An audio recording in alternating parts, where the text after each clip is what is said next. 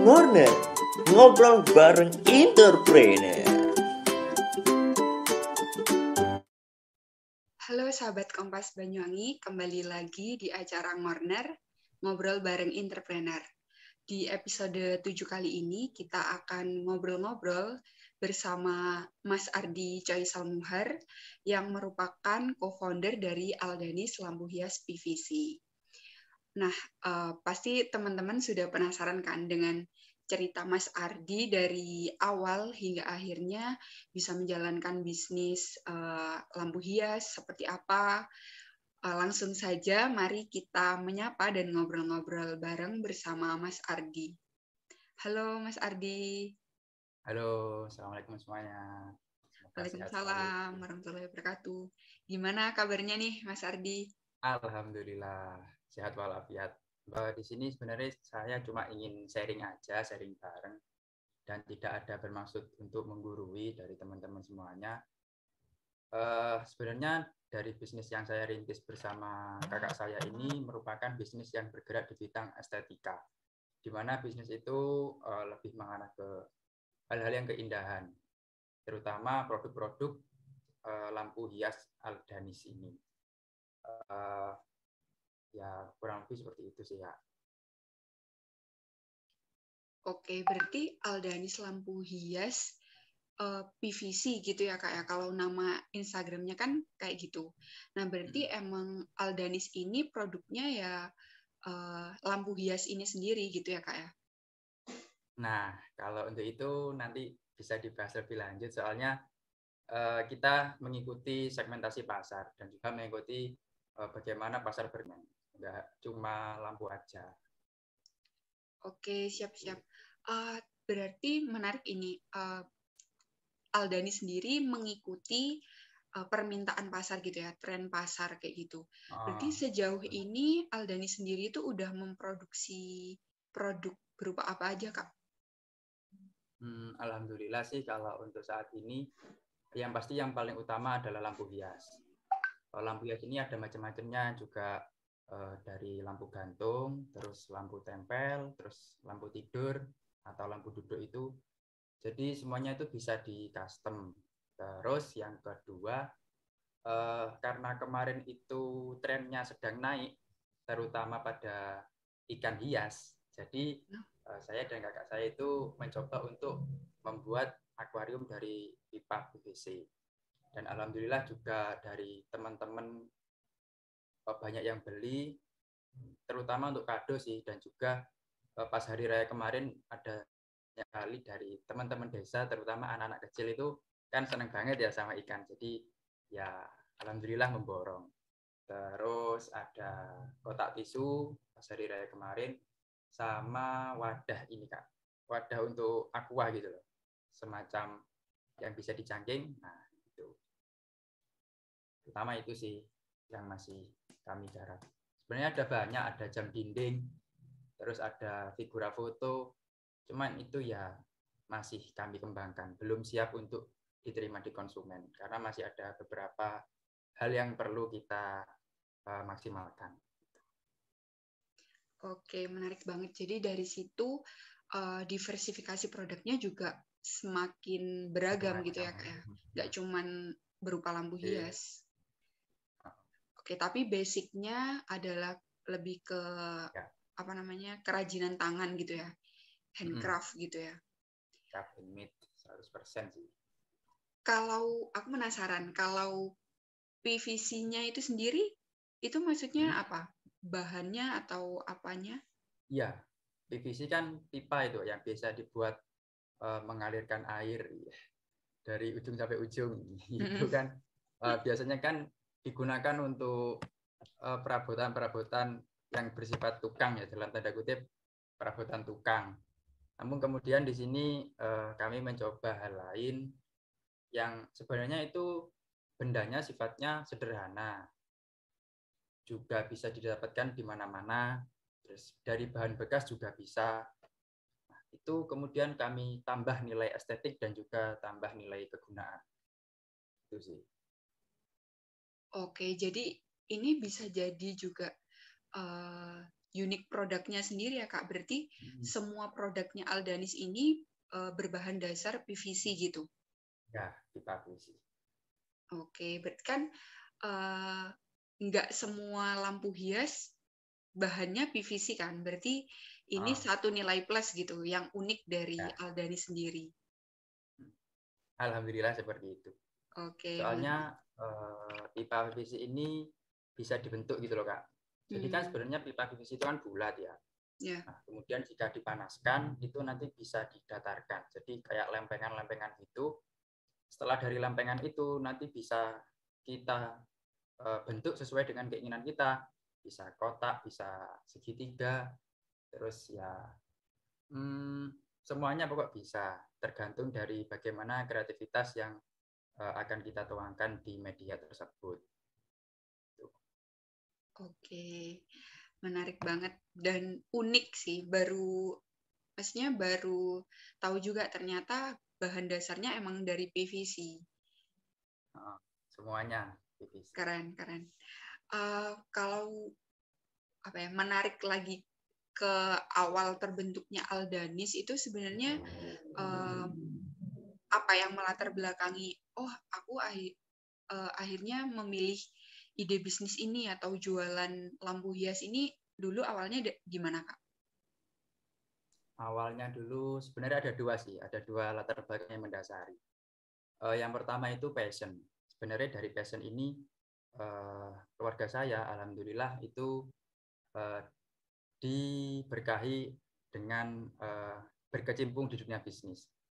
Terus juga kami juga eh, memiliki eh, seni gitu loh. Jadi memiliki seni yang itu sebenarnya berpotensi banget untuk dikembangkan. Terus yang kedua, kita berangkat dari momen, Kak. Jadi waktu itu eh, cerita sedikit ya.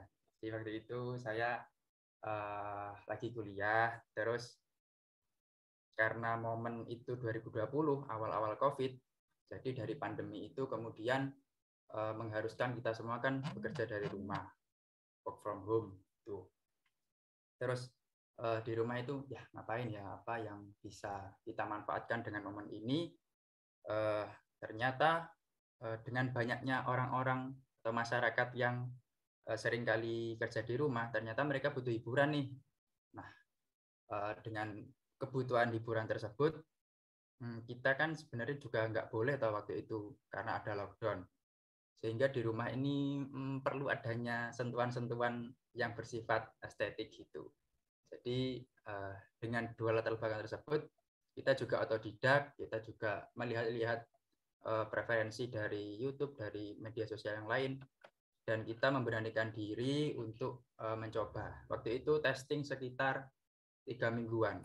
Kita testing kepada sahabat-sahabat kita, kepada eh, rekan kerabat kita, eh, untuk kemudian ya ya apa sih rek, iki api pega, ngono. Bahasa Jawanya seperti itu. Dan alhamdulillah reaksinya dari mereka positif semua. Terus juga memberikan masukan-masukan yang perlu untuk dikembangkan sebelum nanti eh, siap dijual ke konsumen. Setelah itu kita garap sekitar dua mingguan, akhirnya kita bisa mendapatkan eh, transaksi pertama. Terus hmm, selama waktu sekitar empat bulan itu kita alhamdulillah mendapat eh, transaksi dari Bali. Kita mengirim sekitar 30-an, 30 lampu hias ke Bali. Itu pertama. Jadi kan eh, kemudian dari situ membuat semangat gitu, semangat. Wah, ini tepat ini. Apa kudu dilanjutnya iki gitu. Iya, sekarang udah dua tahun sih berjalan. Berarti justru awal dari corona gitu ya yang menyebabkan adanya Oh. ide bisnis ini dan akhirnya ternyata oke juga menghasilkan Ya, juga gitu ya. Akhirnya keterusan sampai sekarang. Kalau ngomongin soal pemasaran gitu ya Kak, selama ini eh, Aldanis itu gimana untuk apa pemasarannya Hmm. kayak gimana? Boleh diceritain? Hmm, sebenarnya kan kalau untuk pemasaran kita akan berbicara tentang market research sama branding strategi ya kak. Kalau dari kami itu market research-nya untuk saat ini terbagi menjadi tiga, tiga sampai empat lah. Yang pertama itu dari ibu rumah tangga, IRT. Di sini ibu-ibu rumah tangga kan ya itu kan ibu rumah tangga kan gampang pengen yang pertama terus ada saudaranya eh dia apa ki? Apik men?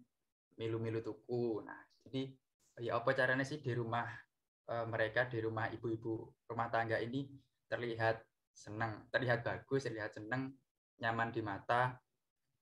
Sama halnya kayak waktu itu lagi trennya bunga. Pastikan uh, ibu ibu sini ibu ibu sana juga ikut ikutan. Jadi kita market research-nya yang pertama dari ibu rumah tangga, segmentasi pasarnya. Yang kedua dari pemuda. Nah, kalau dari pemuda ini eh, aku nangkepnya di sekitaran anak-anak kuliah, terutama anak-anak kuliah yang hmm, membutuhkan hadiah itu loh. Membutuhkan hadiah untuk sahabatnya, untuk orang yang spesial, terus untuk momen-momen seperti sidang dan juga seminar proposal. Itu yang dari pemuda. Terus yang ketiga bapak-bapak. Bapak-bapak ini hmm, dari riwayat pembelian, nah, dari riwayat transaksi, bapak-bapak ini lebih sering ke hal-hal sing hmm, lampu tempel, lampu tempel tidur. Jadi bapak-bapak ini sering kali uh, berpesan eh, yang pasti lampu tidur itu. Terus yang keempat, ini masih merambat sih benar di instansi kak. Kalau di instansi itu kita bisa mendatangi sekolah-sekolah, terus ini instansinya pemerintah dan non pemerintah ya. Kita juga mendapatkan transaksi dari kafe. Kemarin sudah mendapatkan transaksi di kafe Genteng sini, alhamdulillah. Tinggal pasang aja. Itu sih. Oke, uh, dari penjelasannya Kak Ardi, uh. Menarik banget sih. Maksudnya dari Aldani sendiri juga tentunya apa ya riset itu harus terus dilakukan gitu kan. Kayak gimana hmm. riwayat transaksinya. Uh, yeah. Bisa jadi kan konsumen satu dengan konsumen lainnya itu beda-beda gitu ya. Untuk minatnya, yeah. terus lebih cenderung suka yang model kayak gimana kayak gitu. Hmm. Jadi harus tetap di dicari dan dikaji terus gitu ya kayak ya, untuk mengembangkan produknya sendiri. Oke, okay. mantep banget. Ini sih sama oh iya tadi belum jelaskan medianya ya kan setelah di market research juga harus branding strateginya melalui media. Saat ini sih Instagram, YouTube, Facebook, sama TikTok. Uh, dari media platform ini juga memiliki segmentasi pasar yang berbeda kan pasti. Facebook itu lebih ke ibu-ibu, YouTube bapak-bapak sama pemuda, Instagram pemuda, TikTok juga pemuda. Terus untuk itu yang online, terus yang offline, eh, saya juga berusaha untuk meningkatkan relasi kak, terutama dengan eh, dengan pemerintah desa, terutama Karang Taruna. Di sini Karang Taruna memiliki program yang hmm, sebenarnya cukup menarik untuk meningkatkan UMKM desa. Jadi setiap dusun-dusun itu dimaksimalkan yang memiliki UMKM baik itu makanan, minuman, terus yang kreatif, industri kreatif, terus pertanian juga itu eh, dimaksimalkan untuk tahun ini. Ya semoga bisa lancar sih ke depannya. Amin, amin, amin. Uh, berarti relasi juga adalah kunci gitu ya untuk mengembangkan mengembangkan pasar gitu ya pasar dari produk kita sendiri. Oke, okay. uh, eh, kalau apa ya berarti selama ini masih belum coba memasarkan melalui marketplace gitu-gitu kak? Hmm, baru dua minggu yang lalu kak. Soalnya ini sih serba repot juga. Di sisi lain sebenarnya kan kalau lampu hias ini kan perlu adanya uh, proses pembuatan tuh kak. Jadi PO dulu. Uh, untuk saat ini kami keteteran untuk PO itu. Soalnya ada banyak sekali yang pesan terus untuk stok untuk stok ready stock itu masih uh, belum bisa mengikuti konsumen. Soalnya ya perlu kita pungkiri bahwasannya konsumen kan ada yang mintanya gini, mintanya gitu. Warna beda aja nggak mau gitu. Jadi sesuai selera. Jadi ya itu masih kita pelajari sih terkait juga PO. Apakah efektif atau tidak. Oke, jadi sementara ini masih made by order gitu ya kak ya? Uh, tapi sebenarnya juga udah nyetok. Soalnya kemarin hmm, satu bulan yang lalu udah buka toko, toko offline, alhamdulillah uh, di di sini juga di Kembiritan, di desa Kembiritan kecamatan Genteng. Nah, buat teman-teman udah di spill tuh sama Kak Ardi uh, lokasi offline store-nya di mana gitu ya. Jadi di Kembiritan mungkin teman-teman mau langsung cus ke sana bisa lihat-lihat atau bahkan custom juga bisa ya kak ya. Bisa banget lah. Siap, nantilah main bisa diatur. Siap. Nanti kita main-main ke sana. Uh, kalau ngomongin soal apa ya, handcraft gitu ya, kerajinan tangan. Kalau di Banyuwangi sendiri itu menurut Kak Ardi gimana sih untuk mungkin apa ya antusiasmenya atau dari pasarnya sendiri kalau di Banyuwangi seperti apa Kak? Hmm, kalau aku melihat ya sebenarnya dari Banyuwangi ini udah uh, trennya meningkat ya, cuma kemudian masih ya belum terlalu ini sih belum terlalu signifikan kalau di daerah uh, kami terutama kami kan uh, sedikit jauh dari sektor pariwisata. Di Kecamatan Genteng kan pariwisatanya hmm, minim Kak ya, soalnya Genteng kan kota pendidikan rata-rata. Jadi sebenarnya dari pemerintah itu sudah sangat mendukung bagaimana uh, tumbuh kembang UMKM di Banyuwangi. Barang-barang estetika atau barang-barang keindahan ini juga uh, di sisi lain kan bukan merupakan uh, kebutuhan primer, jadi ini merupakan kebutuhan sekunder atau kebutuhan estetika. Hmm, beda lagi dengan kebutuhan-kebutuhan primer kayak makanan dan minuman. Pastikan orang enggak makan ya luwe kan ya. Iya kan. Jadi sebenarnya udah ada banyak program juga kan dari pemerintah Kabupaten Banyuwangi untuk menjaring UMKM-UMKM untuk terus berkembang. Kalau dari saya ya sudah baik sih dari Banyuwangi. Hanya saja bagaimana kita uh, tetap struggle ke depannya, tetap struggle untuk ya minimal mengenalkan dan juga memasarkan. Oke, kalau uh, support dari pemerintahnya sendiri udah udah oke okay nih ya. menurut Kak Ardi. Uh, okay. Tinggal bagaimana kita sebagai apa ya, pemilik usahanya sendiri ya untuk mau berkembang atau enggak apalagi kan sekarang udah zamannya digital banget ya udah global banget kita bisa memasarkan produk melalui online dan ya bagai, berbagai cara lah yang bisa dilakukan untuk uh, mengembangkan dan mengenalkan produk kita kayak gitu. Oke. Okay. Ini sih uh, apresiasi juga untuk hmm? uh, dinas koperasi UMKM itu loh. Nah, itu sering sekali nggak buat repost UMKM UMKM yang ada di Banyuwangi. Mm-hmm. Jadi bisa jadi booster juga ya kak ya buat pelaku ah. UMKM buat lebih semangat ya. lagi buat apa ya menggerakkan perekonomian kan UMKM juga. Terbantu harus.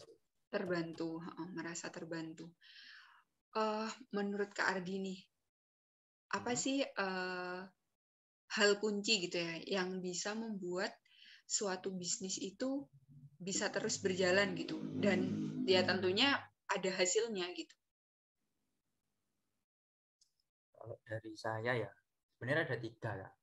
Yang pertama konsistensi, yang kedua itu adaptasi, yang ketiga inovasi. Jadi dimulai dari yang hal mendasar dulu, konsisten. Kita konsisten nggak sih sama usaha yang kita jalankan? Kalau nggak konsisten ya hmm, pondasinya ya ambruk, nggak bakal bisa kuat ke depannya. Yang kedua adaptasi. Adaptasi ini eh, bagaimana kita uh, menghadapi permasalahan-permasalahan yang ada, permasalahan-permasalahan internal, permasalahan eksternal dari bisnis itu sendiri, kekurangan modal, sampai bagaimana cara kita eh, bisa memasarkan produk tersebut. Ini pasti ada ke depannya. Nah, kalau eh, skill adaptasi itu nggak kita miliki, ya sama aja. Yang kedua itu kan. Terus yang ketiga, inovasi. Ini penting banget eh, buat branding bisnis kita terus diterima di konsumen. Dengan inovasi ini konsumen akan selalu bertanya-tanya kan, wah ada apa lagi nih? Jadi konsumen akan terus tertarik ke produk kita. Insya Allah kalau ketiga itu dijalankan ya bukan tidak mungkin minimal bisnis kita bisa jalan terus.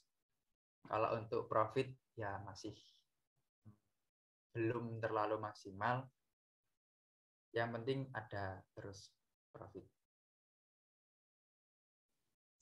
Yang penting uh, terus berjalan. Oke, keren di. Uh, jadi ada tiga kata kunci gitu ya. Kita harus oh. terus konsisten, beradaptasi dan juga berinovasi supaya uh, usaha kita juga bisa terus berjalan dan tentunya uh, bisa berkembang dan uh, maksimal semaksimal mungkin gitu ya. Uh, mungkin terakhir nih kak, uh, hmm?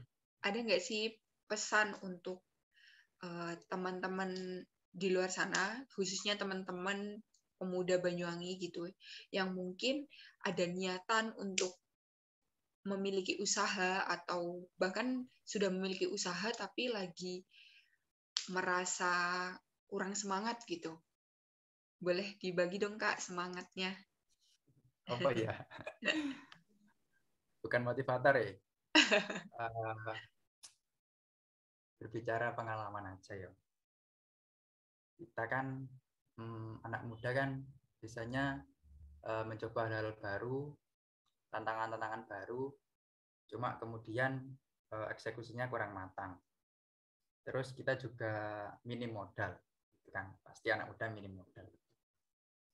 Uh, sebenarnya aku nggak bisa munafik bahwasanya uh, anak muda itu kalau sekarang ya kalau awal-awal gini baru lulus terutama itu lulus SMA atau lulus kuliah sebenarnya nggak apa-apa rek kalau kita mau kerja kantoran. Uh, dalam tanda kutip uh, kita per bulannya mendapatkan gaji tetap gitu loh. Kita mendapatkan gaji tetap dari situ kita bisa terus uh, memonitor usaha kita apa yang kurang terus hmm, apa yang sedang ada dalam tren seperti itu dari saya mungkin itu. Jadi uh, apa ya terus berani memulai gitu ya kak ya. Berani memulai terus juga selagi kita muda gitu selagi kita muda uh, apa ya memaksimalkan mungkin kegiatan-kegiatan yang kita suka atau hal-hal baru yang ingin kita pelajari itu kita maksimalkan kayak gitu. Menurut kak Ardi. Oke. okay. Kak Ardi, terima kasih banyak untuk waktunya. Okay. Semoga uh, di kesempatan ini kita apa ya, bisa sedikit berbagi gitu ya kepada teman-teman di luar sana kayak gitu. Semoga semangat untuk berwirausahanya menular. Amin. Dan dan semoga untuk Kak Ardi uh, sukses dan maju terus untuk Aldanisnya. Oke, Kak Ardi, terima kasih untuk waktunya sekali lagi. Mohon maaf kalau ada salah-salah. Oke, ya, sampai bertemu lagi, Kak Ardi. Oke, semoga bermanfaat. Amin, terima kasih. Oke, Sobat Kompas, terima kasih telah mendengarkan Siniar Ngorner episode kali ini. Semoga bermanfaat dan menginspirasi. Apabila teman-teman menyukai tayangan ini, silakan klik tombol suka, berikan kritik, saran, maupun ide untuk Warner selanjutnya. Klik tombol berlangganan juga agar tidak ketinggalan konten-konten berikutnya dari Kompas Banyuwangi. Terima kasih, sampai jumpa di episode selanjutnya.